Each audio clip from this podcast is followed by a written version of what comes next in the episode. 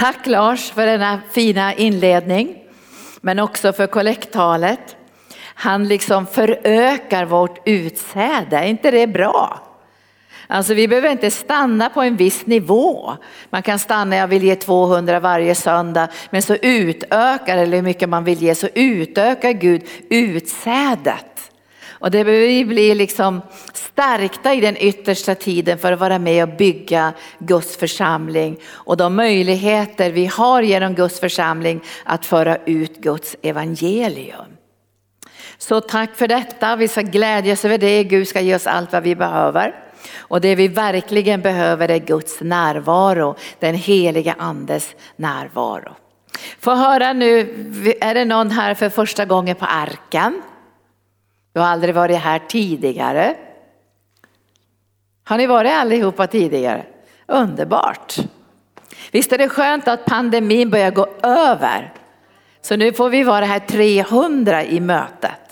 Så vi ska liksom kalla på våra vänner att, att vi kommer samman i våra möten och att vi inte behöver vara rädda. Vi, vi ber om beskydd och jag tror att den här pandemin är på utgång i alla fall. Jag tror att vi går in i en tid också där vi behöver leva mer och mer i tro. För jag är övertygad om, och jag brukar inte säga så här med övertygelse, men jag är övertygad om att vi är på väg in i de första tecknen på födslovåndorna. Att vi ser tidens tecken och vi ser det som händer över världen och jag tror vi behöver, vi behöver rusta oss också så att vi inte kommer in i det här skeendena med fruktan och med oro. Därför vi kommer att känna av trycket och konfrontationen med samhällets värderingar, vet ni det? Det kommer att bli liksom en konfrontation med samhällets värderingar och därför måste församlingen vara upplyftad och över tiden. Alltså vi får inte fångas i tiden. Jesus fångades inte i romarriket när han gick på jorden, utan församlingen måste vara över all partipolitik och alla svängningar, för församlingen har ett profetiskt uppdrag. Visst är det härligt det? Ett profetiskt uppdrag. Så vi får inte fastna i tiden och fångas av tidens värderingar, utan vi har en annan kallelse från Gud. Jag ska tala lite grann, kanske inte just om det, men jag har varit borta nu, tack Jesus, på en underbar semester uppe i Norrbotten hos min syster. Och hon är ju en sån här riktig motionsfantast. Så det har blivit cirka sex kilometer varje dag. Det var härligt. Och så för få slappna av och de, de bor så otroligt fint med sin stuga bredvid det är en av Norrbottens största sjöar eh, Hållsvattnet, inre Hållsvattnet. Fantastiskt, fantastiskt vackert. Så jag gläder mig över det. Men vi tar ju aldrig semester från Guds församling. Så jag tog, fick ta pastor Gunnars möte idag, men han är inte sjuk eller sånt där, utan vi bytte bara. För han var ju här förra söndagen. Men jag tänkte jag ska säga några saker vad vi ska bedja över. Eh, den 15 åttonde, ni kan skriva in det i era hjärtan, och den 22 i åttonde så kommer det att komma två stycken helsidor i bilagan som är is, ett istopp i Svenska Dagbladet. Så Svenska Dagbladet kommer att ha en bilaga som finns i själva huvudtidningen. Och där kommer vi att ha två helsides annonser. Be att de icke ännu troende ser de här annonserna. Att, att människor väcks i sina hjärtan. De här annonserna är ganska stora då och de kommer att belysa retriten och eh, Sjöhamra gård. Men den första annonsen kommer också att belysa helande dagarna. Så vi har sett upp en bild där människor sitter i vilstolar. Och den andra annonsen kommer att belysa individuell förbön i bönerummen. Så det är en stor bild också på handpåläggning. Och där vi skriver liksom att man kan kontakta oss i arken för individuell förbön, för telefonförbön och själavården och vi har satt upp alla tider för helande dagarna och alla tider för våra retriter under hösten. Så vi, vi, vi var med oss och be, för jag vet Anita Björk berättade när, hon, när vi skulle starta arken, eller arkens bibelskola kanske jag ska säga, 87. Då hade vi inga pengar så vi skulle sätta in en liten, liten mager annons. Den var pytteliten i några kristna tidningar. Och vi tänkte, kommer någon att se den här pyttelilla annonsen? Men då bad vi heliga ande, andas på den här annonsen, synliggör den här annonsen. Och Anita Björk som är en av våra medarbetare här på Helande centret, hon berättade att den här annonsen liksom hoppade ur tidningen in i hennes hjärta. Den liksom hoppade upp ur tidningen. Och det är det vi ber nu. Att mängder med människor som är sökare, för människor är sökare. Alla söker.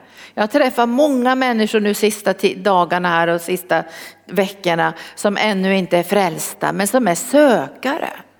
Som, som, som de tror på Gud men de vet inte vem Gud är. För Gud har lagt evigheten i människornas hjärtan. Och vi vill inte slarva bort pengar heller så att vi slänger ut en massa pengar på annonser. Utan vi ber att Gud verkligen ska verka i de här annonserna.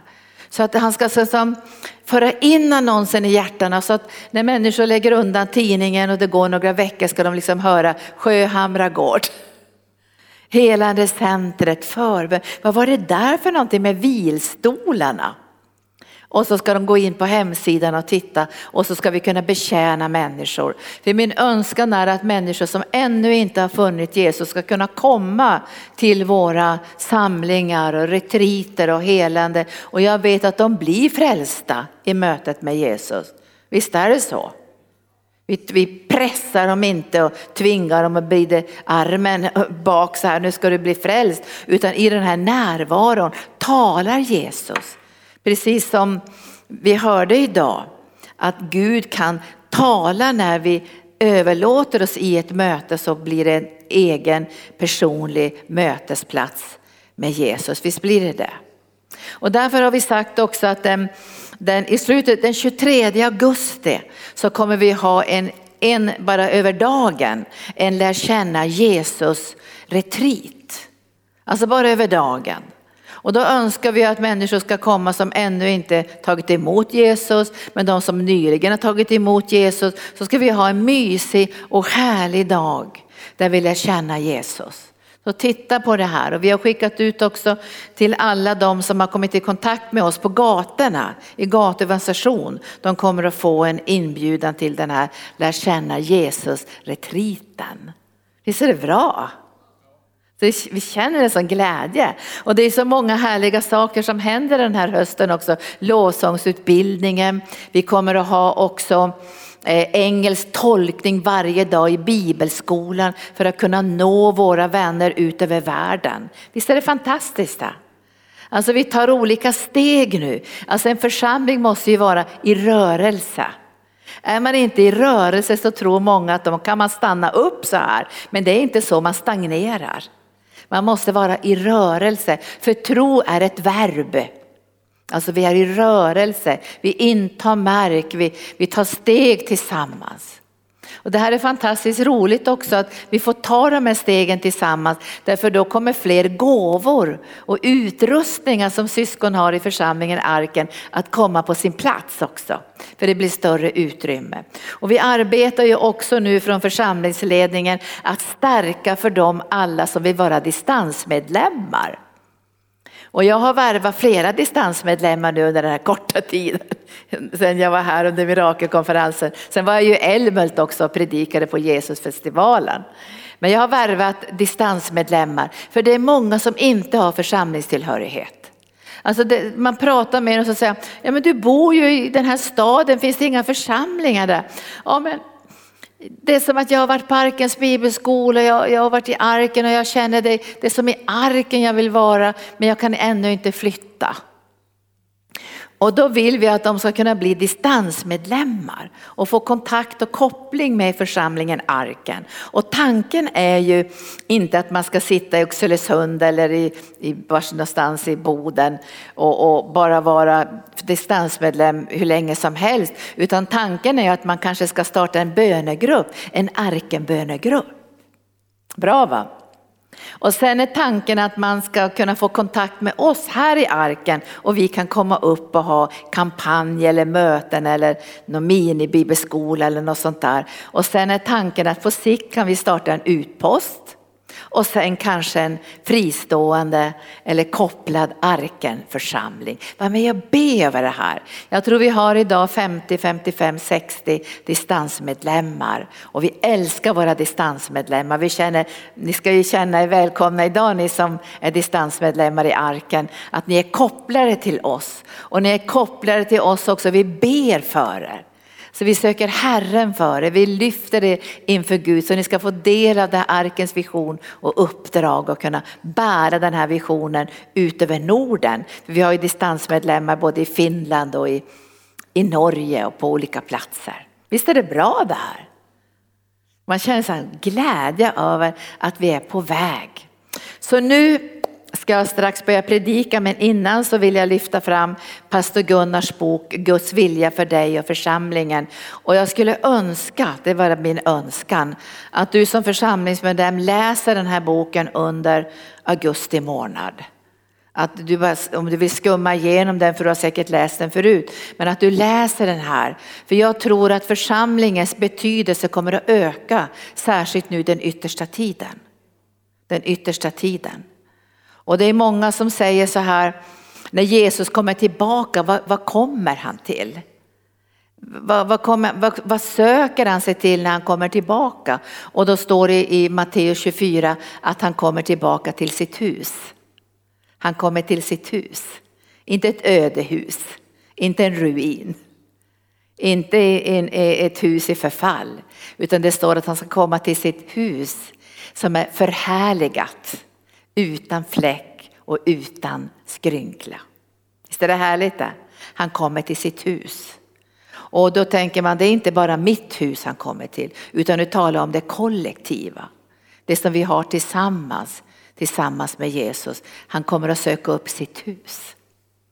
Så läs gärna den här så vi får reda på Guds vilja för dig personligen och för Guds vilja för oss tillsammans. Och idag ska vi fokusera på tillsammans. Jag tycker vi har en väldigt individualistisk värld, eller hur? Alltså det är väldigt individualistiskt, jag och mitt och jag och mitt. Men jag tror att när vi börjar mogna så talar vi inte längre om jag och mitt, vi talar om vi. Och det här ser man ju i de unga familjerna när man har varit ensamstående så får man barn. Då blir det en vi-känsla. Och man får öva på den vi-känslan. Men det här är bara naturligt. Vi lever i en övernaturlig församling som är född direkt från himlen genom den helige ande. När föddes församlingen? Är den ett människoverk, något vi har hittat på? Nej, församlingen, det är Guds idé. Det är Guds idé. För det var på pingstdagen som församlingen föddes övernaturligt för att träda in i den här världen och bli en uppenbarelseplats för Gud, för Jesus. Så församlingen är Guds idé. Och när jag var i Älmhult så kände jag att jag skulle predika om församlingen. För jag blev ju född mera i karismatiska väckelsen, lite grann i Jesusrörelsen. Och Jesusrörelsen och karismatiska väckelsen la väldigt betoning på små grupper. Och jag tror ju på små grupper men de ska vara kopplade till församlingen. Som en cell som finns i en kropp, eller hur? En cell ligger ju inte utanför, en cell tillhör ju en kropp. Och en cell känner ju till sin funktion. Jag läste faktiskt in mig lite grann på cancer. För jag ville se vad, vad, är, vad är det som utve, hur utvecklas cancer?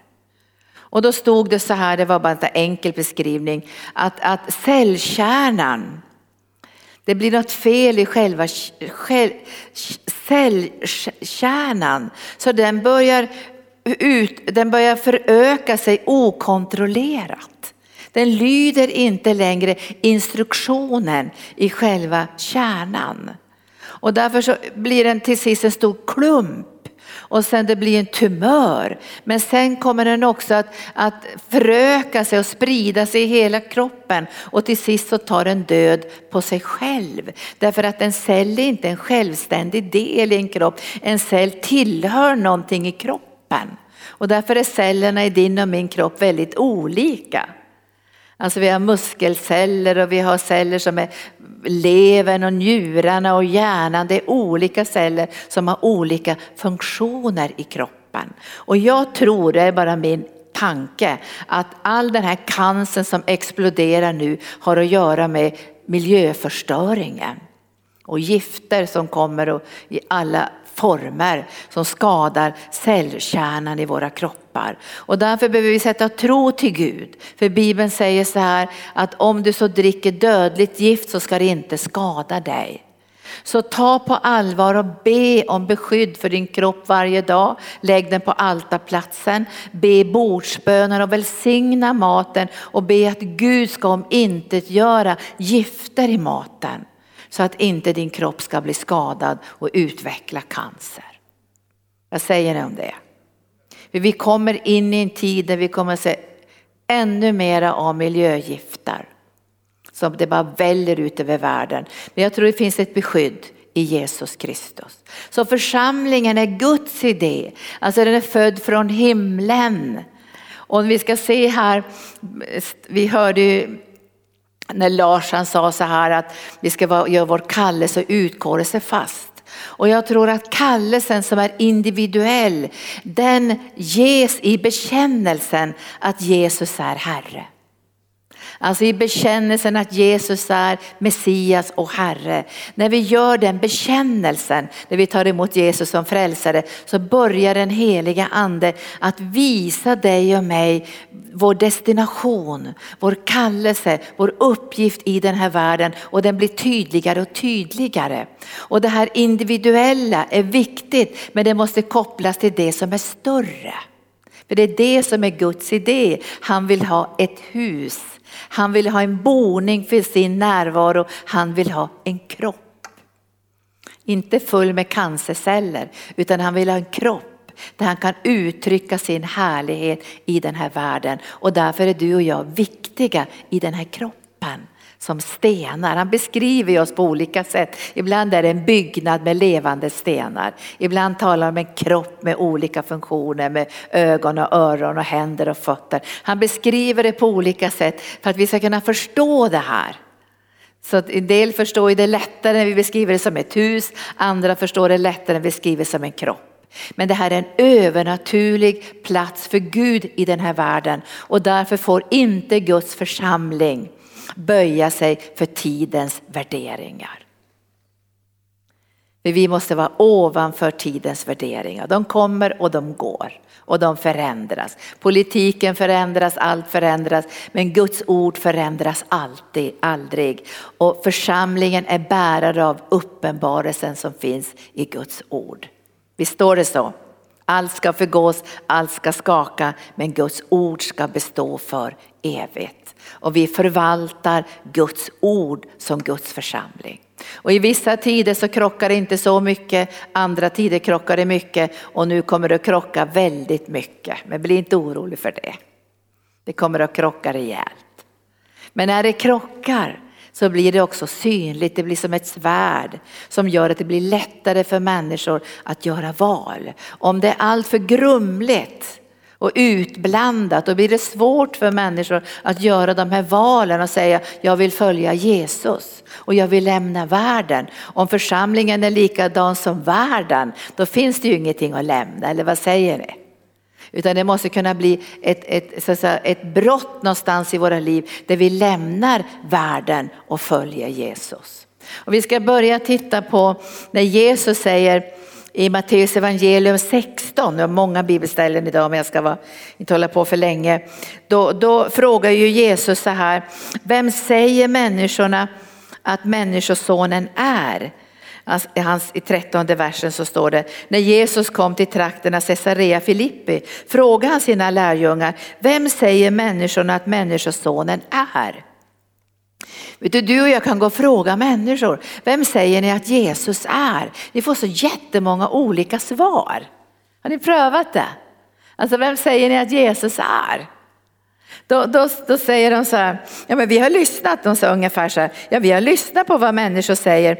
Vissa säger Johannes döparen, andra Elia och andra Jeremia eller någon av profeterna. Alltså någon som, är, som tillhör den här världen. Det är Elia och Och Jeremia och alla de här profeterna, de bar ju Guds uppenbarelse, men de kom inte från himlen. Det är bara Jesus som har kommit från himlen och det är bara Jesus som har vänt tillbaka till himlen också. Men då, då säger han så här, vem säger ni att jag är? Alltså han frågar dem alla, vem säger ni att jag är? Och Simon, han, Petrus svarar i första valla, du är Messias, den levande Gudens son. Och då säger Jesus så här, salig är du Simon, Jonas son, för det här är inte kött och blod som har uppenbarat det här för dig, utan det är min far som är i himlen.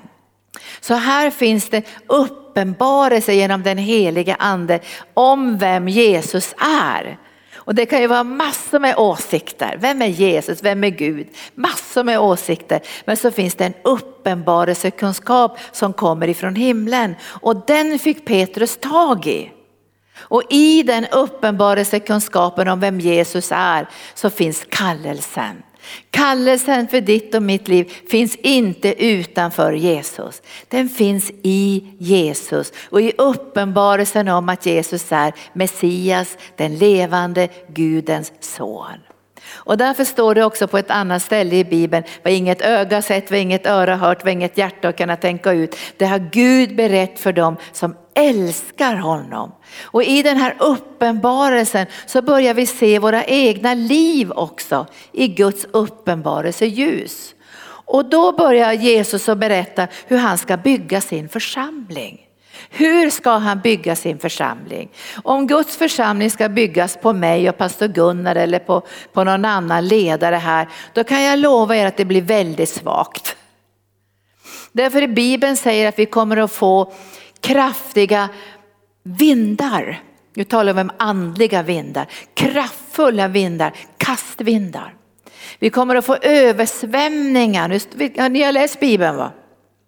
Stormar som kommer att kasta sig mot huset. Huset. Det står i huset. Och då får vi inte tänka vilket hus som helst. Jag tänker Guds hus. Och jag är inlämnad i Guds hus. För mig är församlingen så otroligt viktig. För jag har varit med i sammanhang som har varit främmande för Guds församling. Som har byggt på några små grupper där vi inte haft något ledarskap och man visste inte om gruppen fanns kvar nästa vecka eller nästa månad. Det är inte Guds tanke. Guds tanke är församlingen, den övernaturliga församlingen som är född från himlen. Nu tror jag att grupper kan vara fina också, att det kan vara någon fin ledare här. Men jag tror inte att det är det bibliska. Det bibliska är Guds församling. Och Jesus han säger så här, jag ska bygga min församling. Jag ska bygga min församling. Det är ganska bra va? Jag ska bygga min församling. Därför församlingen är Jesu församling. Det är han som äger församlingen. Han är huvud och han är herre. Och därför måste församlingen byggas på något helt annat än människor. Alltså till och med människors trofasthet eller människors överlåtelse. För människor kan inte garantera heller att de ska leva.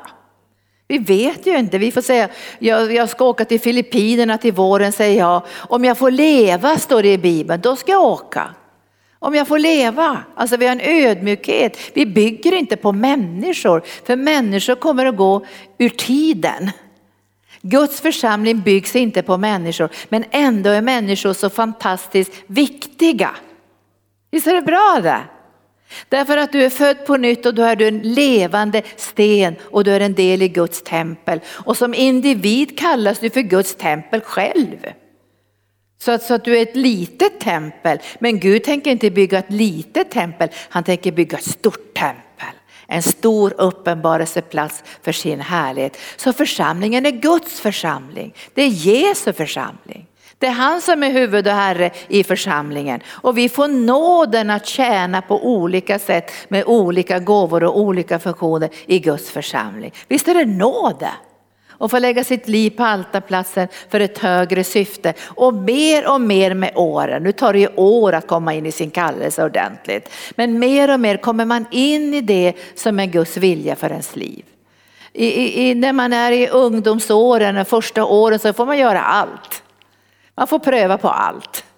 För att man också ska känna när åren går, det här slår an mer och mer och mer. Men i början får man göra allt. För Gud har, har ju ett hus och där behövs det göras massor med saker. Vi pratade om det här, pastor Gunnar och jag, att när vi startade arken gjorde vi ju allt. Vi bar alla grejerna, vi städade efteråt och vi ställde dit stolarna för vi hade ju ingen lokal. Vi var en sån där, eh, eh, inte en aula utan vi var i matsal i en skola.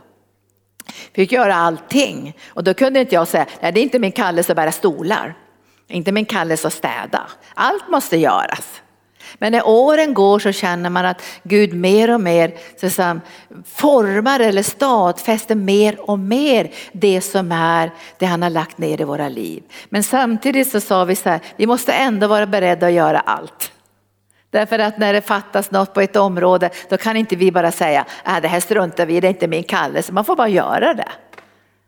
Därför att det ingår i själva familjen att vi hjälps åt, eller vad säger ni? Men ändå kommer man att känna med åren att här ligger min kallelse, här kan jag välsigna som allra mest. Och det är det man ber också som ledare, hur kan mina gåvor välsigna som allra mest? Men jag, jag går tillbaka till det, vem äger församlingen? Ibland kommer någon tokig fråga till mig, vem äger församlingen? Det är Jesus som äger församlingen. Det är hans församling. Han säger det, han säger, han, nu säger han så här, jag säger till dig Petrus, på denna klippa, alltså uppenbarelsen om att han är Messias, ska jag bygga min församling. Min församling. Och dödsrikets portar eller helvetets portar ska inte få makt över den. Visst är det bra det? Alltså, så helvetets portar, helvetets krafter, mörkrets makter som slås sönder idag något så fruktansvärt därför att det är byggt på människor. På människoideologier, på människor, eh, på, också på vetenskap som är i förändring. Men när Gud bygger sin församling så är det på en, en klippa av evighet som aldrig kommer att vackla, aldrig kommer att gå sönder och den kommer att klara vindarna, stormarna, vattenmassorna som slår mot människor i den här yttersta tiden. Och det är därför som Guds församling är så viktig, för människor måste få en plats av beskydd. Och det beskyddet finns i Guds församling. Jag ska bygga min församling på en klippa. Tack gode Gud att han bygger på en klippa. Och ingen grund kan läggas, vet ni det, än den som redan är lagd. Vilken är den grunden? Det är Kristus. Så därför måste vi ödmjuka oss i det här. Därför är det Jesus som äger församlingen. Och vi behöver lägga ner våra liv på altarplatsen så vi i ödmjukhet intar den plats som Gud har gett oss. Och de, den platsen kan ju förändras under åren men vi i ödmjukhet får lägga ner våra liv på altarplatsen för det är han som äger församlingen och det är han som dirigerar mitt liv. Visst är det så? Jag tror inte att jag hade valt Kungsängen själv. Jag är inte säker. För på den tiden när vi startade församlingen här då jobbade jag på Livets Ord. Och jag var van vid stora möten, massor med människor och jag hade egna möten där med hundratals människor i hela den tjänsten. Och jag tyckte om det, det var mycket folk. Och så kallade Herren ut pastor Gunnar från kyrkan då, Svenska kyrkan efter 13 år att bygga en församling här i Kungsängen med namnet Arkan. Platsen där min härlighet ska bo. Jag visste i min ande, för Gunnar hade en stark ström i sitt hjärta att bygga Guds församling lokalt. Och jag hade både det lokala men också det internationella. Gunnar har mer en lokal förankrad pastorstjänst. Och när, när, när vi grundade det här, då kände jag så här, men Kungsängen, först när jag tänkte på det, det är ju bara en håla tänkte jag. 30, det var över 30 år sedan tänkte, nej men ska jag vara här? Och så skojade med Gunnar och sa, om du ska kalla mig, sa jag, och predika där i, i, i matsalen med, med 20 personer, då får du ge mig 500 spänn, sa jag och skojade.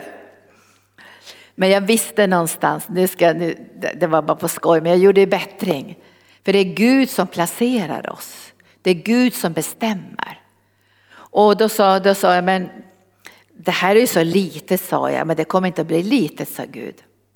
Det kommer att bli stort. Och det kommer att bli grenar som sträcker sig ut över hela världen. Och då sa jag till Herren, men ska jag verkligen överlåta mig så här totalt till det här? Så sa, det ska du göra, sa Jesus. Därför om du inte gör det, överlåter att få djupa, djupa rötter i församlingen Arken. Alltså du ska få djupa, djupa rötter att de inte kommer att ryckas upp, sa Gud. För många rycks ju upp, eller hur? Det finns ju människor här som lämnar församlingen av olika skäl och så. Men jag visste, Gud sa, du kommer aldrig att lämna församlingen. Därför du kommer att få så djupa rötter att det går inte att rycka upp dig. Halleluja tänkte jag. Ska jag få så, då tänkte jag, ska jag få djupa rötter i den här hålan? Nej, sa Gud, det här är ingen håla, sa han.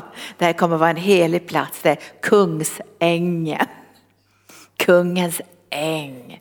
Det kommer att bli en plats som blir känd över hela världen. Den här platsen.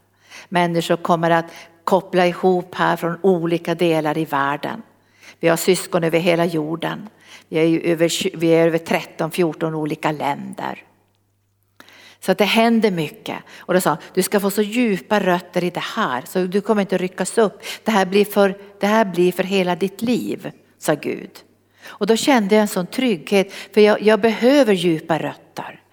Alltså jag känner att jag behöver djupa rötter. Jag vill inte vara sån här blomkrukekristen eller ryckas upp av olika vindar och vågor och trender. Jag känner inte för det därför att jag har haft så trasig barndom och för det var för osäkert och otryggt i min barndom. Och jag känner att många behöver få den här tryggheten i Guds församling. Eller vad säger ni?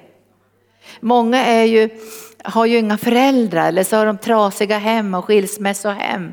Och de har svårt med anknytning. Därför det har gått sönder i relationer på olika sätt. Och då kände jag så här, då sa Gud, ni ska bli ledare som ska bestå i olika tider. För ni ska få djupa rötter som ingen kan rycka upp. Och, och jag kände det var en trygghet för mig på något sätt här. För jag, då sa Herren, om du inte får de här djupa rötterna eller inte vill ha de här djupa rötterna, då kan du inte bli det jag har tänkt, sa Gud. För jag visste att jag skulle, jag skulle förgrena mig. Jag visste att jag skulle vara lokal här, men jag skulle förgrena mig till olika länder. Det skulle bli Kambodja, det skulle bli Indien, Afrika och då sa Gud, om du inte har de här starka rötterna här, då kommer de här grenarna gå sönder. Det blir inte stabilt och det måste bli stabilt. Och därför vet jag att Gud kommer att resa upp ledare här i arken för framtiden som är som mig och pastor Gunnar. Som kommer att vara så, så, djupa rötter att om det svänger här eller svänger dit eller man blir sur på någon eller det händer någonting så kommer det inte att beröra på djupet. Visst är det bra det? Nu har jag hållit på så länge så det är väldigt många stormar som har kommit och man blir ledsen hit och ledsen där och det händer saker. Men det har aldrig hänt någonting i mitt rotsystem. Det har aldrig hänt någonting i mitt rotsystem. Däremot kan man känna att vissa blad lossnar och det blir jobbigt här och där men jag känner roten. Den måste vara befäst, den måste vara stark och den måste veta hur den ska hämta vatten. Vi är planter- var är vi planterade någonstans? Vid vattenbäckar. Och då måste vi få de här rötterna. För har vi för ytliga rötter, jag såg ju när, när jag var i Skåne en gång så föll det jättestora tallar. Jättestora tallar för det kom en sån storm. Och då sa de att de har för, de har för, för ytliga rötter. Alltså när stormen kommer så faller de. Och därför måste vi få ner våra rötter och vi ska ju rotas i Jesus. Alltså vi ska, det står i Bibeln, vara rotade och grundade i Jesus. Och jag tror vi behöver för den här sista tiden en stabilitet och stabila ledare som inger trygghet. Som inte bara tar jag och min kallelse, jag och min kallelse utan vi tillsammans har ett uppdrag ifrån Gud. När jag hör det så vet jag nu, på, nu är människor på väg i ledarskap. Nu händer det något i hjärtarna. När de börjar tala kropp kroppen, funktionerna tillsammans. Alltså de är rädda om Guds församling. För det står ju att om, om det blir splittring i Guds församling då kan vi inte bestå, då faller vi sönder. Ett hus som har kommit i strid med sig själv kan inte bestå. Men nu ska vi snabbt titta, nu har andra bibelställen jag vill ge. Men vad säger han? Jag ska ge dig, säger han. Han börjar med att tala individuellt till Petrus, men när vi kommer till kapitel 18 talar han till alla lärjungar. Men det är Petrus som har fått det här första steget. Du är Messias, den levande Gudens son. Och då säger han, ja men det här är viktigt säger han. När jag bygger min församling nu säger han, då kommer ni att få delegerad auktoritet. Det är bara i Guds församling som det finns delegerad auktoritet och därför säger Paulus i och genom församlingen så ska Gud föra ut sin mångfaldiga visdom mot andevärldens furstar och väldigheter. Det är bra va? Därför det finns en delegerad auktoritet. Och jag tror att den delegerade auktoriteten, nu talar jag profetiskt, mår inte bra i smågrupperna. Därför där finns det ingen insyn. Och jag tänkte många gånger på, jag kommer från karismatiska, att ehm, det var liksom de här smågrupperna, man visste inte vem tar ansvar här? Vem, hur förvaltas ekonomin här? Kan vi göra något för Gud här? För vi är bara fyra, fem stycken. Det behövs någonting större för att kunna göra en impact över världen. Det är klart att man kan göra något på fem personer. Man kan hjälpa någon eller så här. Men församlingen ska ju vara påverkan i hela världen, eller hur? Och så att jag tänkte på det här att i den här lilla gruppen så finns inte det här beskyddet. Det kan komma vilken psykopat som helst. Därför när den lilla gruppen inte är kopplad till den stora församlingen då finns inte det här beskyddet och insynen. För jag tror ju på att församlingen ska delas upp i celler, i hemgrupper eller i mindre grupper. Men det ska kopplas till det stora, till helheten för att kunna ge ett beskydd. Och auktoriteten förvaltas allra bäst i Guds församling. Där finns ett beskydd för auktoriteten så det inte blir ett, ett övergrepp på människor. Eller hur? Det är i stora församlingen som vi kan utvärdera. Blir det övergrepp på människor? Vad har hänt i de små grupperna? Och då kan vi utvärdera därför att förvaltandet av den delegerade auktoriteten måste finnas i Guds församling så att den inte blir jag säga, missbrukad. Och det kan hända att du har varit med i sammanhang där auktoritet har blivit missbrukat. Där en enskild människa har tagit auktoritet och börjat styra i andras liv. Och då måste du och jag veta att det är Jesus som äger församlingen. Men han säger också att vi ska som levande stenar låta oss inbyggas eller inlämnas i församlingen. Alltså han vädjar till er, ställ er inte vid sidan om så Jesus vänder tillbaka till en ruin. Alltså det är bara stenar som ligger huller om buller. Han vill ju bygga någonting fantastiskt vackert i den här världen som ska liksom göra det möjligt för människor att få smak på himlen. Alltså församlingen ska ge smak på himlen, inte dålig andedräkt. Och därför får det inte bli toxic, förgiftat i församlingen. Utan vi måste ropa till himlens Gud att vi ska få i Guds församling en himmelsk atmosfär. Det är väl bra va? En väldoft, himmelens väldoft. Och nu säger, nu, nu säger Jesus till honom så här, allt som du binder på jorden ska vara bundet i himlen och allt som du löser på jorden ska vara löst i himlen. Sen befallde han lärjungarna att inte berätta för någon att han var Messias. För ännu hade inte församlingen fötts. Den fanns i Guds hjärta, i Jesu hjärta, men den var inte född än. Den föddes ju på pingstdagen. Men den fanns i Jesu hjärta hjärta, som en mönsterbild, som en, som en profetia. Det kommer att bli en övernaturlig plats i den här världen där jag ska bo och uppenbara min härlighet. Men nu ska vi se hur Petrus tänker individuellt. Jag ska inte bråka på Petrus för att han kanske skulle protestera. Men jag tror att han tänkte, jag tror att han tänkte så här, nu var jag först. Jag fick uppenbarelsen först. Och så var han nog ganska stolt också. För det dröjde bara ett kort tag förrän han ska börja förmana Jesus. Och säga till Jesus, du får inte gå korsets väg och du ska inte lida, hade olika åsikter. Ni vet ju också att han föll. För han, han, att jag tror kanske kände han, jag var först. Jag var först att se att Jesus är Messias. Så då säger han, om alla andra sviker dig Jesus kommer jag aldrig att svika dig. Därför han trodde verkligen på sin individuella kallelse men också på styrkan i sig själv. Och då vet vi alla hur det gick. Men nu kommer den kollektiva kallelsen, den verkliga kallelsen i Petrus liv. Och det var inte han som var centrum något längre då. Och då säger Jesus till Petrus, förut gick du vart du ville, men nu ska du få gå på en annan väg och någon annan ska leda dig. För nu fick han ett kollektivt uppdrag. Och jag måste säga till er profetiskt idag att vi behöver vara rädda om Guds församling för vi går in i den yttersta tiden. Och alla de här vanliga tryggheterna kommer att skaka. Försäkringskassan, det kommer att skaka arbetsmarknaden.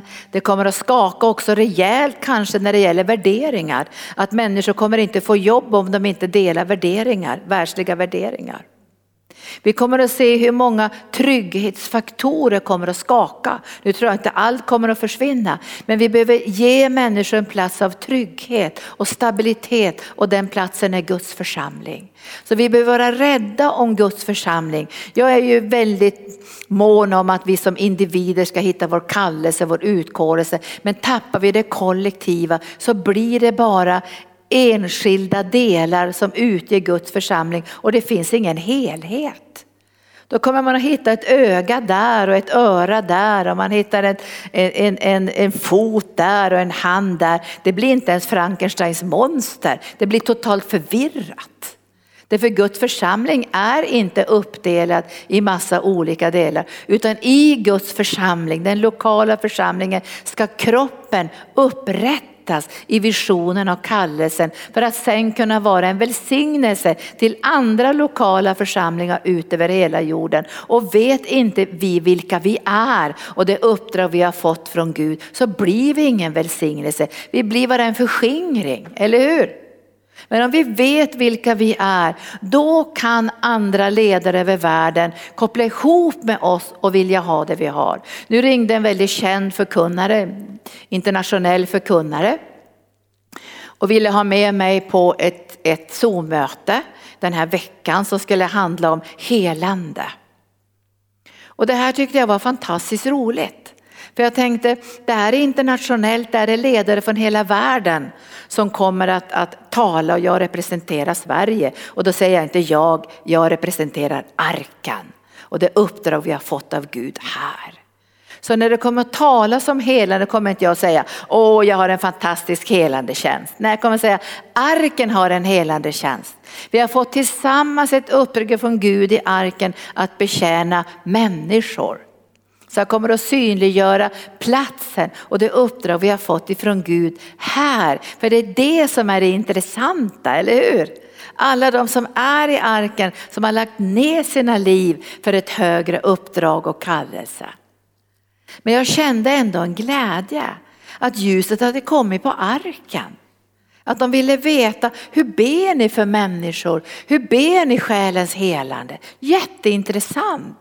Det har inte hänt tidigare att internationella ledare söker efter, vi vill se vad arken gör. Men vi har tagit steg nu vänner att ha en tolkning till engelska. Vi har tagit steg och vi har sagt till Gud, vi vill nå ut med evangelium till folk över hela världen. Och när vi sa det här, höll jag på att säga, här på bondvischan. Vi skojar bara med er. Alltså vi sitter här i Kungsängen och så säger vi att nu ska människor få veta att själens helande finns i Jesu försoning. Och så tänker vi, kommer det utanför de här geografiska gränserna? Det kommer ut i hela andevärlden. Och så hörs det ut över världen och så hör både djävulen och Gud. Och djävulen blir ju rädd för han vill inte att människor ska få själens helande genom Jesu försoning. Utan han tänker vi måste gå på någon psykologisk väg. Men det kommer vackla det också. Allt det kommer vackla. Jag har mött människor sista tiden som har varit helt förtvivlade på den psykiatriska vården. Och jag vet att den kommer att vackla. Jag tackar Gud för att människor vill hjälpa människor. Men den verkliga hjälpen finns hos vem då? Hos Jesus. Och när Petrus får sin kallelse säger Gud, säger Jesus, älskar du mig? Då svarar han att han gör det men det är ganska mänskligt och försvagat. Han säger filios. Och så får Gud utgjuta sin kärlek i Jesus Kristus i hans hjärta. Och vad blir hans kallelse då? Det är inte Petrus som min kallelse längre utan det blir fåren och lammen. Fåren och lammen, det är det kollektiva. Det är det kollektiva. Och jag, jag, känner att vi går in i en tid vi måste förstå det här. Och jag känner att vi behöver en trygghet med varandra också. Att vi sänder den här tryggheten till varandra. Vi hör ihop och du är viktig som en levande sten i det här templet. Kanske du är en sena. Bibeln säger att scener och ledare håller ihop församlingen. Tänk om det bara var scener i församlingen. Fy vad jobbigt. Det står ju om scener och leder. Det står så här, kroppen hålls ihop med sina senor och leder. Jag ska inte stå ut och vara med senorna bara. Nej det går inte, vi har inte pengar nog och vi har inte personal nog. En scen, vi drar ihop det hela. Har ni fått sendrag någon gång? Ett sendrag. Men vi behöver scenerna för annars hålls inte kroppen ihop. Tänk om vi bara hade leder då. Åh, nu ska vi gå med halleluja, vi hittar på alla möjliga fantasier och vi går i konkurs och det bara skrapar om det. Alltså vi har bara leder. Vi måste ha scener och leder för att kroppen ska fungera. Och då måste det finnas balans i det här också. Och därför har Gud en mängd av olika funktioner i kroppen. Men det måste sitta ihop så det inte blir överväxt. Jag såg faktiskt på tv för några år sedan så såg jag för en sån här eh, serie som handlade om missbildningar. Och då var det en liten tjej som hade fått en jättefot. Alltså foten slutade inte växa. Alltså den bara växte och växte och växte, annars var kroppen normal. Och jag tänkte ibland är det så när vi fokuserar för mycket på vårt eget så växer det.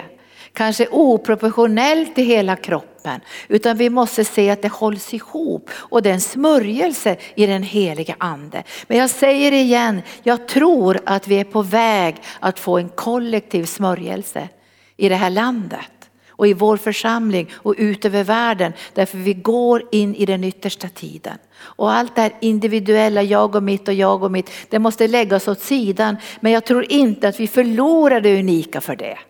Det är min fullständiga övertygelse att du är en unik vacker sten i det här tempelbygget och du kommer inte att marginaliseras och läggas undan och bli bara en gråsten utan du kommer att, dina vackra färger och det som är du kommer att bli synligt i det här vackra templet. Vi ska sammanbyggas. Och vi ska förvalta. Jag hinner inte så långt idag men jag måste ta några bibelställen till så ska vi be en liten stund. Jag ska ta första Timoteusbrevet 3 och 14. Då skriver Paulus till sin unga medarbetare. Han säger så ni måste veta hur man ska bete sig i Guds församling måste bete er på ett rätt sätt i Guds församling. Och han säger i 3 och 14 detta skriver jag till dig i hopp om att snart kunna komma till dig. Men om jag dröjer vill jag att du ska veta hur man bör bete sig i Guds hus. Nu kommer det här huset igen. Du ska bete dig i Guds hus som är den levande Gudens församling, sanningens pelare och grundval. Det är Guds hus och därför vill vi träna också här i arken att visa vördnad för Herren. Att välkomna den heliga ande, att välkomna Jesus och visa vördnad för Guds närvaro. När vi hade Henry Hinner så blev vi lite skrajsna. Kommer ni ihåg det? För han hade, han hade varit mycket med Benny Hinn, det var ju Henry var ju Benny Hinns bror, han hade varit med Katrin Kohlman. Att man skulle ha en sån vördnad för Guds närvaro. Man fick liksom inte störa i gudstjänsten. Och därför så sa jag så här, jag vill inte att någon ska lämna lokalen. Alla ska sitta kvar. Men jag vet ju att alla kan ju inte sitta kvar, de måste gå på toa och andra saker. Men han var så noga, ni måste vara kvar, måste värdera Guds närvaro. Alltså, slarva inte med det här, nu ska den helige ande uppenbara sig. Och jag tror det låg någonting i det, att vi ska respektera det. Och när jag var hos Rodney Howard Brown och fick faktiskt predika hans bibelskola flera dagar så, så var han också väldigt noga med det där. För ibland när vi har möten här också och eh, det händer ju ibland att när vi börjar be för människor så säger vi att de är fria att gå. Och de tar bussen eller vad det är. Men hos Rodney Howard Brown talar de mer om att jag vill att alla ska vara kvar under förbönen. Så vi kan bevara Guds närvaron. Och så kommer jag ihåg att han sa en gång så här, kanske nästa gång är det ditt barn som ska gå fram på förbön. Eller kanske din mamma eller någon som du älskar. Och då önskar jag att alla ska vara kvar i lokalen och be att den helige ande ska verka. Så de var väldigt stränga i det där. Vi är inte så stränga i arken. Men jag skulle bara önska att vi hade den här medvetenheten, vi är i Guds hus. Den levande Gudens församling, inte en död ritual, den levande Gudens församling som är sanningens stödjepelare och grundfäste. Det finns inget fäste för sanningen utanför församlingen och därför är det så tragiskt när församlingen sviker Gud. Alltså det är så tragiskt när man ser kyrkor som öppnar upp för new age och alla möjliga konstiga grejer och rullar ut yogamattorna och blandar alla möjliga okulta böner med de kristna bönerna. Alltså det är som en skam över det. Därför församlingen har ett förvaltarskap att hålla en plats så ren och så avskild för Gud som människor ska kunna känna av himlen. Nu talar inte jag om lagiskhet då, för alla måste ju kunna komma till kyrkan. Men att det ska finnas en helighet och renhet, det är bara Jesus som den finns. Att han ska kunna uppenbara sig och förändra människors liv. Det är det det handlar om den levande Gudens församling. Och så säger han att vi ska vara sanningens pelare och grundval. Erkänt stor är gudsfruktans hemlighet. Och nu kommer han in på det här gudsfruktans hemlighet, det är ju Jesus. Han är uppenbarad i köttet, bevisad rättfärdig genom anden, sedd av änglarna, predikad bland folken, trodd i världen och upptagen i härlighet. Tänk att du och jag får vara med och bygga ett tempel åt Gud. En boning för Guds härlighet, ett hus där Gud ska kunna uppenbara sig i full härlighet. Och jag tror, nu är det bara vad jag tror, att vi kommer ganska snart kanske inte nästa vecka, men ganska snart i framtiden kunna få se ännu större under och tecken. Kraftfulla under och tecken, kraftgärningar, mirakler. Därför det här hör ihop med att vi låter Jesus träda fram i härlighet. Vi kanske till och med kommer att få se hur människor kommer att få liv igen som är döda. Nu tror inte jag så väldigt mycket på att uppväcka de som är jättegamla, men jag tycker att unga människor ska inte dö i förtid. Alltså det är min inre övertygelse. Och jag tror att vi, när Guds härlighet får uppenbaras och vi tar det här på allvar att det är Jesus som äger församlingen. Det är inte någon pastor som äger församlingen eller någon, någon styrelse utan det är Gud som äger församlingen. Sen måste församlingen ha ordningar i den här tiden för att kunna existera. Det får inte vara High Chaparral av allting så vi lägger alla räkningar i skolåda. Utan det måste finnas ordningar och strukturer. Men det är Jesus som äger församlingen. Och det är honom som vi tjänar i församlingen. Och vi gör det här med en kollektiv smörjelse.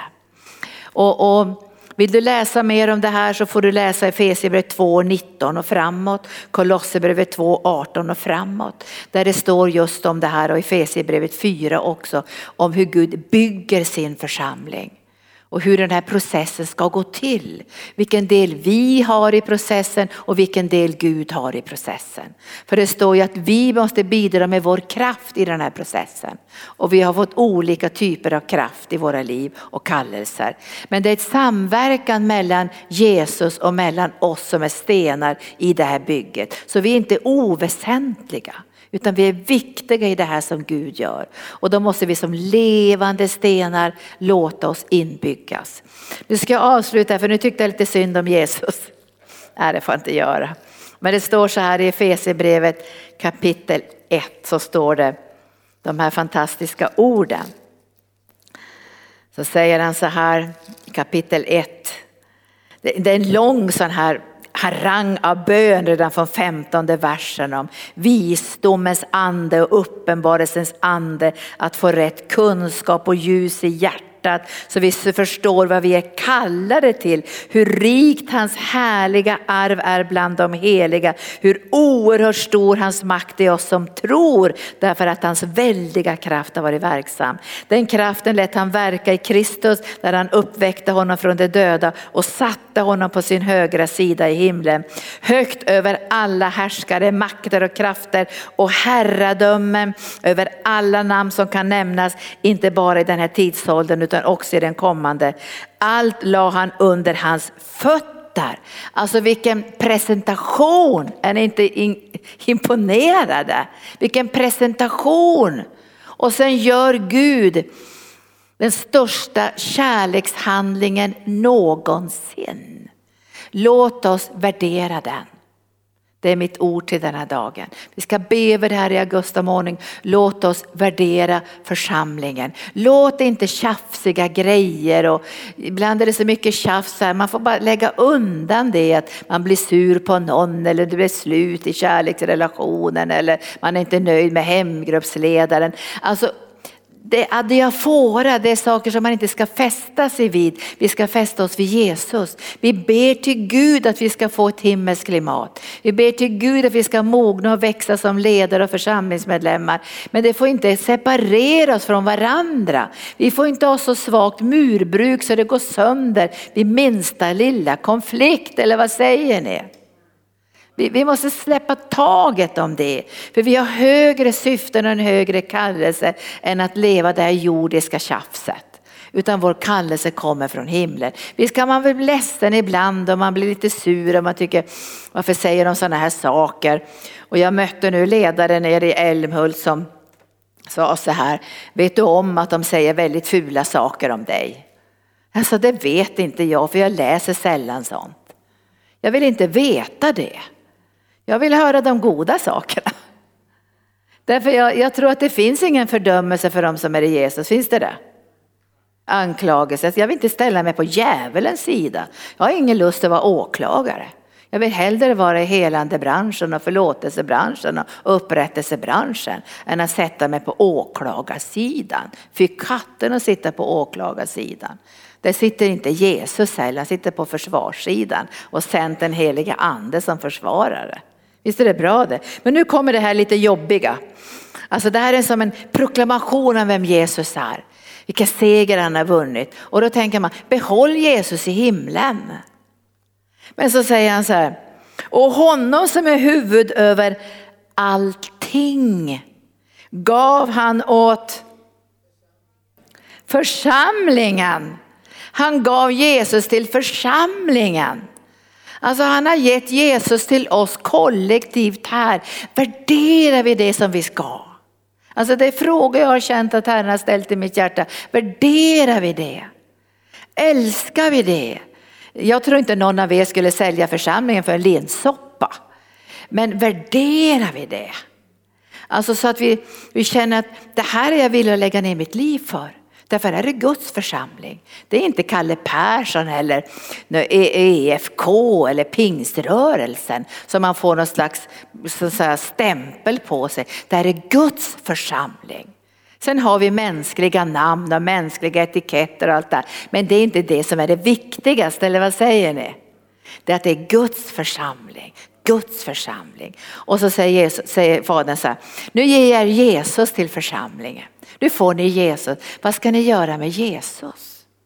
Ska ni förvalta Jesus? Ska ni förvalta uppenbarelsen? Han gav Jesus till församlingen som är hans, kan ni bibelstället? Han gav Jesus till församlingen som är hans kropp.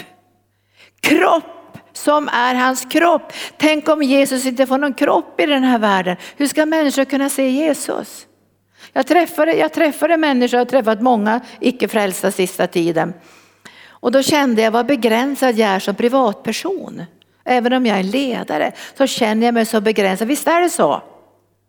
Jag känner jag vill berätta hur underbart det är med Jesus och de frågar mig olika saker. Och då tänker jag, vad svårt det är att bara peka på sig själv. Jag vill ta människorna till församlingen. Därför där kommer de att möta andra än mig. De kanske möter sådana som de lättare kan förhålla sig till. Ålder och utbildning och andra saker. Men jag, jag, säger, jag vill ta människorna till församlingen. För där får de ju känna den här smörjelsen. Jag tycker det är svårt att om jag skulle träffa ofrälsta, jag satt med ofrälsta häromdagen. Jag kan ju inte säga lugna ner här nu så ska jag be tungor. Alltså det blir jobbigt, jag har gjort det med samerna. Jag var ju på jojkfesten för några år sedan. Jojkarnas melodifestival, jag är ju same. Jojkarnas festival och alla skulle jojka hit och dit och fram och tillbaka. Och jag har aldrig jojkat för jag har känt att jag kan inte jojka. Eh, min morfar och mormor är riktiga samer, riktiga så här gammelsamer. Och många av de här de jojkar ju jättemycket. Men fast än jag var ofräsch kände jag inte att jag ville jojka. Alltså det var någonting som, jag vet ju att kristna samer jojkar, men jag kunde inte jojka. Och så var jag på den här melodifestivalen med jojken och det var massor av folk som jojkade och då skulle man välja vilken jojk som var bäst och så. Och när vi kom hem då, jag umgås ju mest med icke-kristna samer, så frågade de mig så här, vad tyckte du, vilken jojk tyckte du var bäst? Vi pratade om jojken. Och då sa de, du, du jojkar ju, nej jag säger jag jojkar inte. Men jag har ett annat språk som, är, som är, kommer från anden, som har kommit in i min ande genom min pånyttfödelse. Och då gjorde jag det som jag inte ofta gjort. Jag sa bara, sitt nu stilla här vid bordet. Alldeles stilla så ska jag börja tala i tungor. Och så började jag tala i tungor och så bara kände jag hur smörjelsen kom och Guds härlighet kom. Och jag talade i tungor och sen bara sjöng jag i anden. Och så kände jag, det var en helt annan atmosfär för mig då än jojken. Det gick på en helt annan kanal. Det var som att det blev en kanal bortom så att säga, panteismen och, det som samernas religion. Det kom liksom till himlen på ett sätt. Men det är inte vanligt att göra det. Jag, jag gör inte det ofta för det blir ofta, folk kan tycka det är jobbigt men de här tyckte det var underbart. Men det, det är jobbigt att vara privatperson bara och berätta om Jesus så jag vill att de ska komma hit. Och så kan vi sjunga i anden. Och så kan vi lyfta våra händer och så kan vi predika och då känner man Tack för Guds församling, tack för Guds församling, tack för Guds församling. Värdera Guds församling. Han behöver en kropp. Tänk om inte Jesus har någon kropp. Var har vi Jesus? Bakom en gran. Var har vi Jesus någonstans? Alltså människor måste veta, var finns Jesus? Han finns i Guds församling. Och där har han bestämt att vi ska vara hans kropp.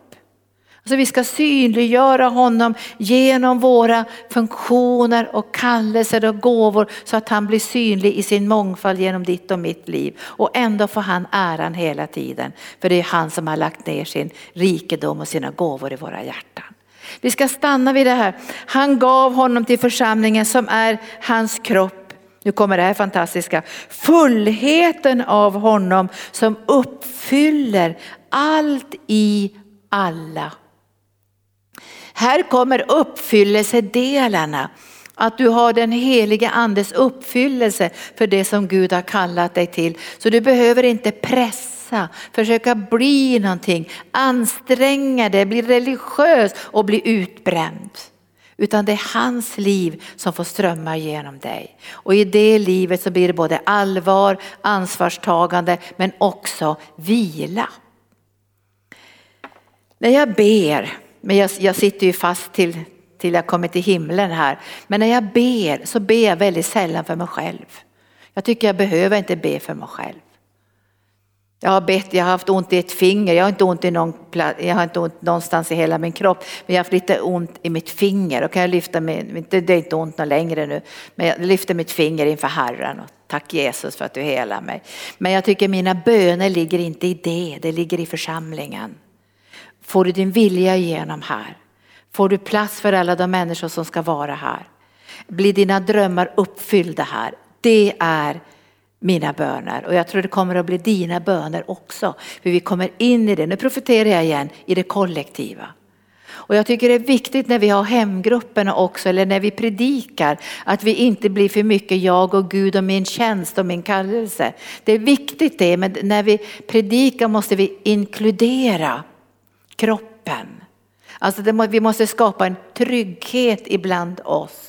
att vi hör ihop så vi inte får en söndring. Jag ber till Gud att vi aldrig någonsin ska få en söndring i arken. Utan det ska vara så heligt och rent och vackert att det går inte att söndra och förstöra och förtala och anklaga och bryta ner. För det är ju Jesus som äger församlingen. Och därför vet vi också att när vi anklagar varandra för mycket så anklagar vi egentligen Jesus. Och vi har ingen lust att anklaga Jesus utan vi vill älska Jesus och därför kan vi också förlåta varandra. Vi ska be nu en stund bara för det här kollektiva. För vi ska ju ta hand om människor i arkan. Och vi ska ta hand om trasiga människor, vilsna människor, människor som lever i synd, i, i destruktiva relationer. Och vi önskar att Jesus ska tala till dem. Den allra bästa helgelsen kommer genom den heliga ande. Den allra bästa förvandlingsprocessen kommer genom Guds ande som får verka i människor. Jag märker om jag går på människor och tjatar, sluta med det och sluta med det. Det är klart att de kan sluta mer än kort tid för att de kanske är rädd för mig eller de är rädd för att bli utstötta. Men det håller inte på sikt. Utan det är bara det som anden gör när han börjar berätta för människor. Jag vill att du ska vara helig och ren och avskild för mig. Så växer en sån längtan i våra hjärtan. Jag vill bli lik Jesus. Och då håller det på sikt också i människors liv. Då vänder de inte tillbaka till droger och missbruk och, och synder. Och därför vill vi värdera Jesus. Vi vill, ska säga, vi vill att han ska få så mycket utrymme som det är möjligt här i arken för att kunna förvandla människors liv. Visst är det bra. Och då slarvar vi inte med våra mötesplatser och vi slarvar inte med våra hemgrupper heller. För där får vi träna oss mer och mer och flöda i den heliga ande. Och vi får den här lilla gruppens gemenskap. Men det måste kopplas ihop i det stora så det inte blir förvilling eller lärostrider eller falska läror och orenhet och maktmissbruk. För det ska vi inte ha på den här platsen. Vem, är, vem har makten?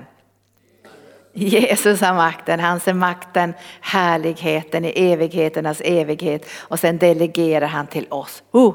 Men då delegerar han inte att vi ska kasta ut onda andar i vårt eget namn utan det är namnet Jesus, han som uppfyller allt i alla.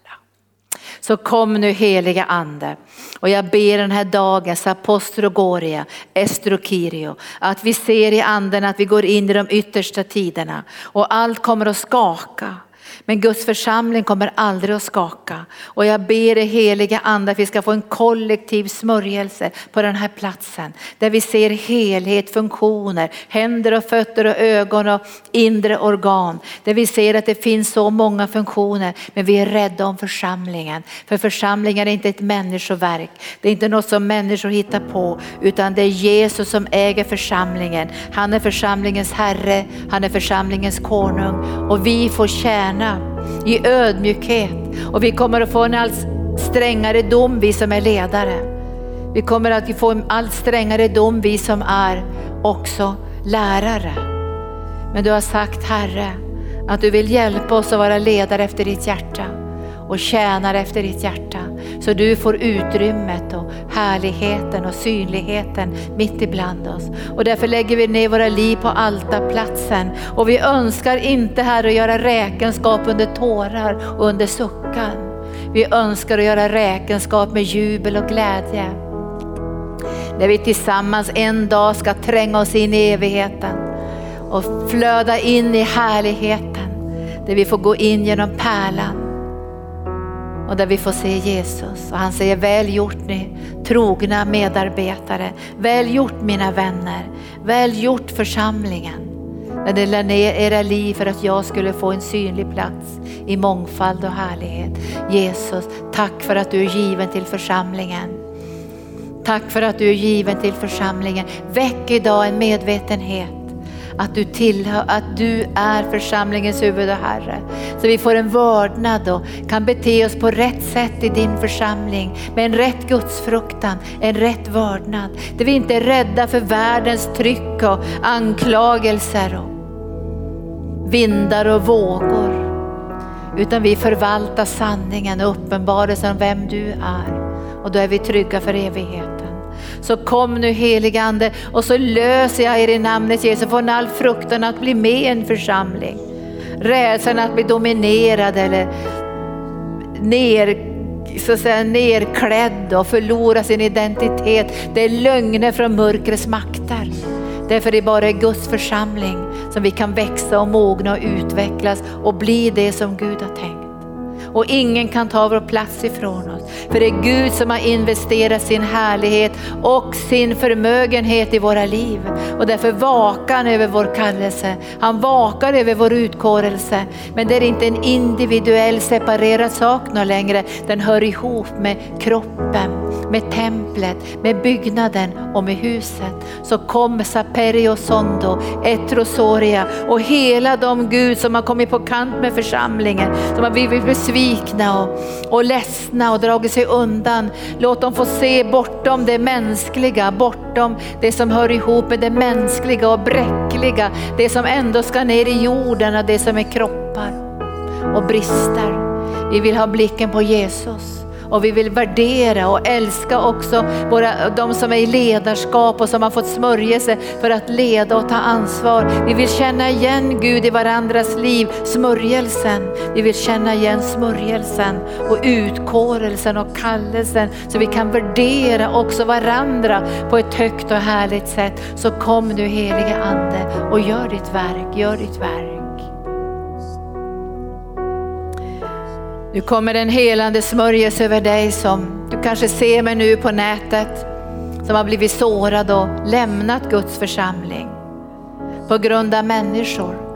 Men Herren säger att du ska förlåta människor för det är bräckligt. Allt som har med människor att göra är bräckligt.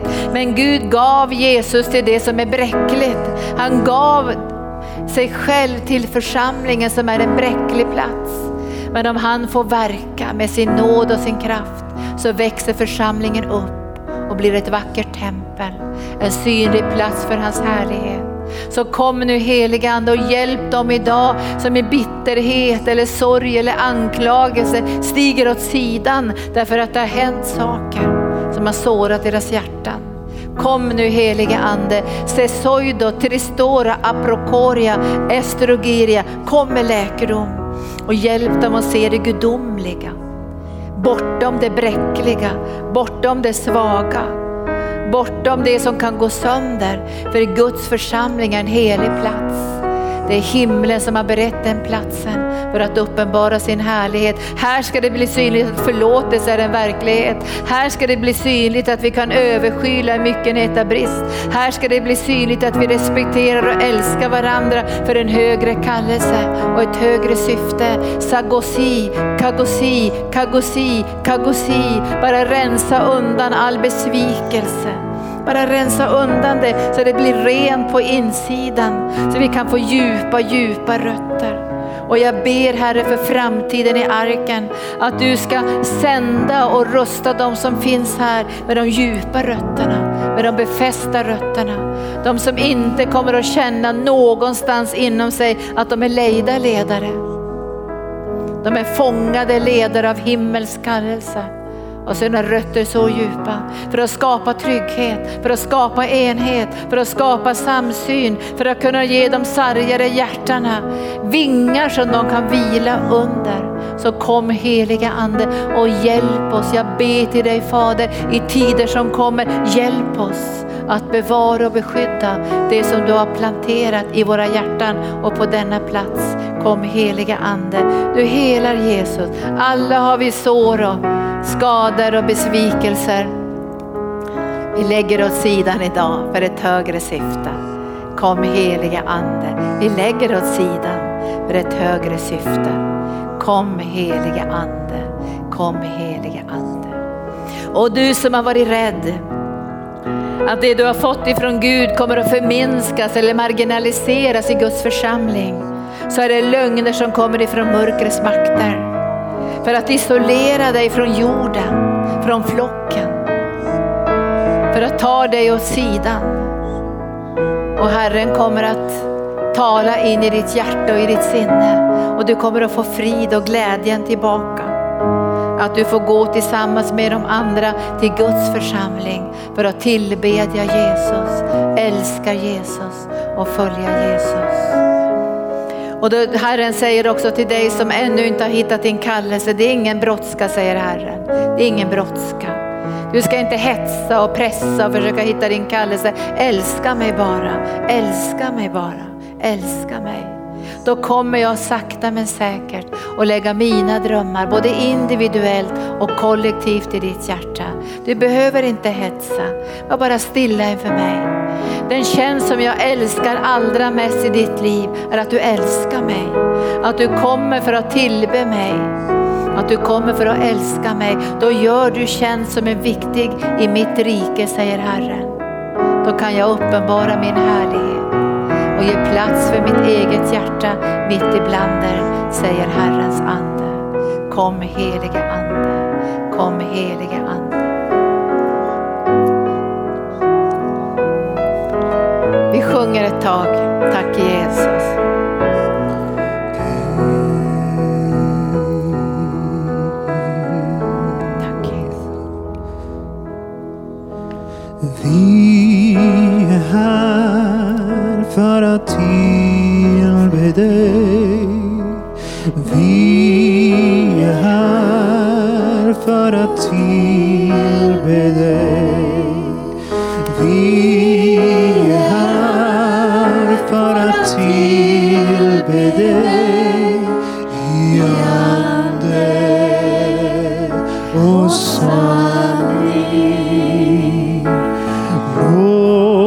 Låt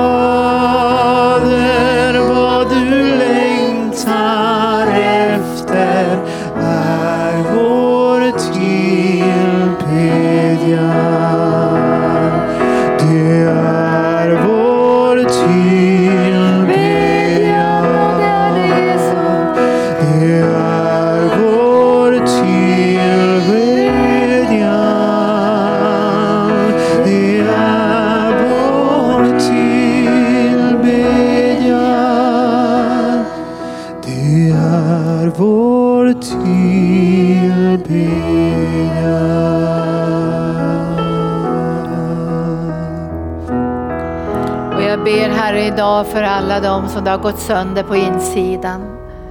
På det emotionella planet, på känslorna. De som är oroliga för framtiden. De som är osäkra inför framtiden, de som är unga idag. Som ska gå in i en framtid med allt kraftigare vindar, både det naturliga och det övernaturliga. Men de kommer att bli starka, de kommer att bli övervinnande. De kommer att vara mer än övervinnare.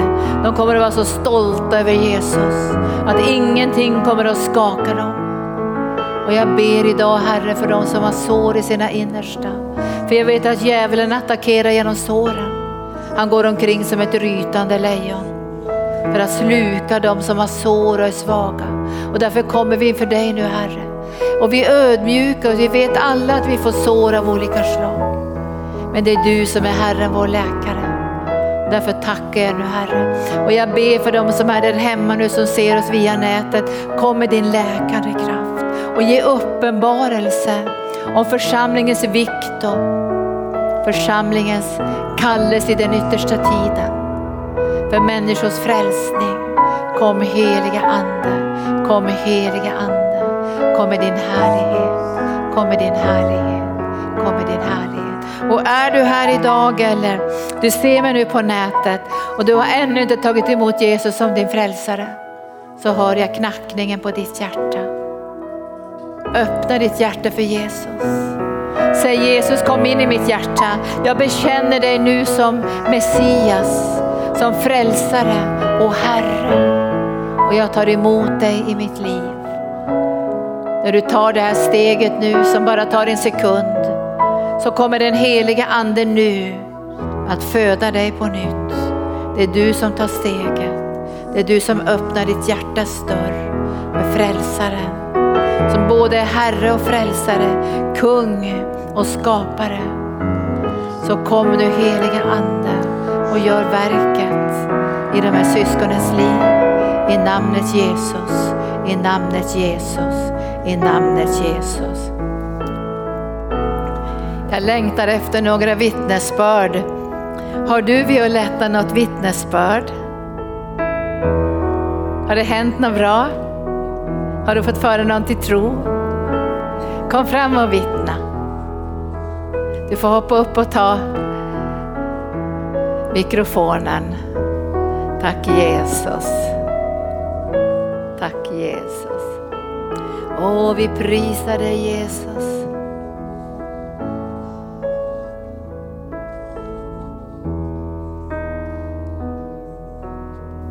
Halleluja. Ja, ja men det är fantastiskt vad ah, människor är verkligen mottagliga för den helige Ande och Jesus. Och eh, det var bara några dagar sedan som eh, jag och en vän, vi gick ute och så, så, var det, eh, så spelade vi lovsång. Liksom. Vi hade en högtalare så här. Och eh, så var det en kvinna som gick förbi och så tittade på oss och sa, åh vad glada ni var då. Och då började vi vittna om Jesus och vi sa, han är så fantastisk, vi älskar Jesus och han älskar dig så mycket. Och, och sådär. Eh, och, hon, bara, det var som att alltså hon bara stannade upp från allting. Och, och ni vet, man, man vet inte hur människor reagerar förrän man vittnar om Jesus. Alltså förrän man faktiskt säger någonting om Jesus. Man vet inte hur de kommer reagera. Och hon bara stannade upp och så, så, så lyssnade hon till allting. Och vi verkligen ville poängtera att han, Jesus älskar dig. Det, här liksom, det är dig, det är inte bara, ni vet så här, ja det här är vår grej, utan han älskar dig. Eh, och hon sa, wow, vad underbart. Människor är så himla negativa nu för tiden. Jag hör bara jättetunga saker. Och, alltså, eh, det var som att hon inte orkade höra mer liksom, från så mycket tunga tankar och åsikter om världen och allting. Så hon sa, vad underbart att ni har ett så glatt budskap. Eh, och då sa vi det, ja men du kan ta emot Jesus i ditt hjärta nu. Du kan bara säga efter mig, kära Herre Jesus, kom in i mitt hjärta. Och hon direkt bara bad in Jesus i sitt hjärta. Och sen fick vi be för hennes fot som hon hade ont i. Och hon, alltså hon var, helt, var så lycklig. Och, och, och, jag gav ett kort, liksom, det är den här kyrkan vi tillhör och, och du är så välkommen. Och, och, det var som att hon verkligen, det var som att man såg hela hennes ande och själ bara, jag vill dit, jag hoppas verkligen att vi ses igen. Och, eh, och det var bara så enkelt, vi bara gick där och dansade. alltså det är så enkelt när vi bara tar emot vad den helige ande gör i oss. När vi bara vågar stå för den glädje vi får, för det är inte vår egen glädje. Jag kan inte bli så här glad utan Jesus. Det är den heliga andes glädje som bara fyller oss och det kan inte vi påverka. Så det är han som ger oss sin glädje och sin kärlek. Annars så, vad ska jag säga? Det finns inte så mycket att säga. Jag, jag kan inte hitta på, det är bara Jesus Kristus. Så det är tack Jesus. Halleluja. Ja, tack Jesus, tack Jesus, tack Jesus. Underbart. Jag tror de flesta av er här känner trygghet i att ni är en del av Guds församling och så. Men om det är så att du känner att vi skulle, du skulle vilja att vi bad för dig så du skulle kunna få en, så att en fördjupad trygghet i ditt liv och din kallelse och det som Gud har kallat dig till.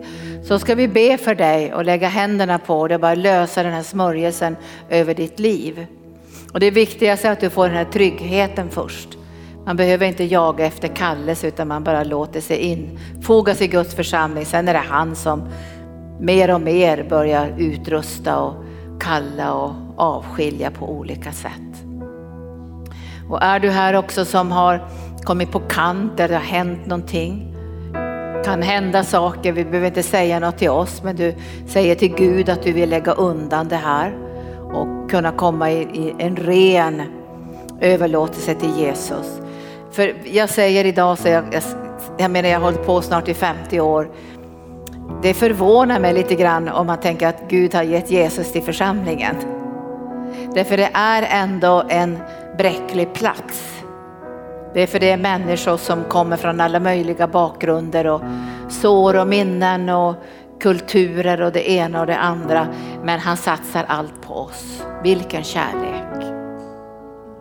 Och då behöver vi den här överskylande kärleken till varandra också så att Jesus får mer och mer utrymme. Vi ska inte skymma Jesus. Vi ska inte skymma Jesus. Vi, vi stiger åt sidan men vi vet ändå att, att vi, vi, vi är inte några fullkomliga människor här utan men vi längtar efter att få del av hans liv och hans fullkomlighet och genom helgelsen. Men visst är det nåd att vi har fått Jesus. Och det är honom som vi ska förvalta och älska. Och när vi har blicken på rätt ställe så blir det inte riktigt samma utmaning i mötet med varandra, eller hur? Och jag säger ofta så här, killar och tjejer kan bli kära i varandra här i kyrkan. Men man lämnar inte församlingen för att det blir slut. Därför överlåtelsen till församlingen är på ett helt annat plan än de här mänskliga kärleksrelationerna. Och man lämnar inte heller församlingen för att bästa kompisen gick. Alltså det ligger inte på det mänskliga planet. Man är överlåten till någonting som är större. Och man lämnar inte församlingen för att pappa och mamma går eller något sånt där. Utan man är överlåten till något som är större. Och det här tycker jag är viktigt. Därför de här mänskliga banden får inte hindra växten i Guds församling utan vi sammanfogas ju som Bibeln säger med kärleken och fridens band. Annars får vi nepotismen och vi pratar ofta om nepotismen för den finns väldigt mycket i olika länder att barnen ärver positioner och kallelser sådana saker. Det tror inte vi på. Att bara för att man har en massa barn så ska de ärva funktioner i församlingen. Utan det är Jesus som äger församlingen och han avskiljer och smörjer de som ska ha platser i församlingen. Det är hans uppdrag att göra det. Men när det blir nepotismen då börjar man lyfta fram sina kompisar och sina barn och så här. Det måste man lägga åt sidan Det är Guds församling. Det är Gud som måste göra de här sakerna och då får man inte lika lätt de här splittringarna heller. Jag har ju varit med och hjälpt församlingar som hela församlingen gått sönder därför det var två släkter som var i församlingen. Och så blev släkterna oense med varandra och så, så stack halva församlingen. Då ligger det på en väldigt världslig, barnslig nivå och det får inte församlingen ligga, det måste ligga på en högre nivå.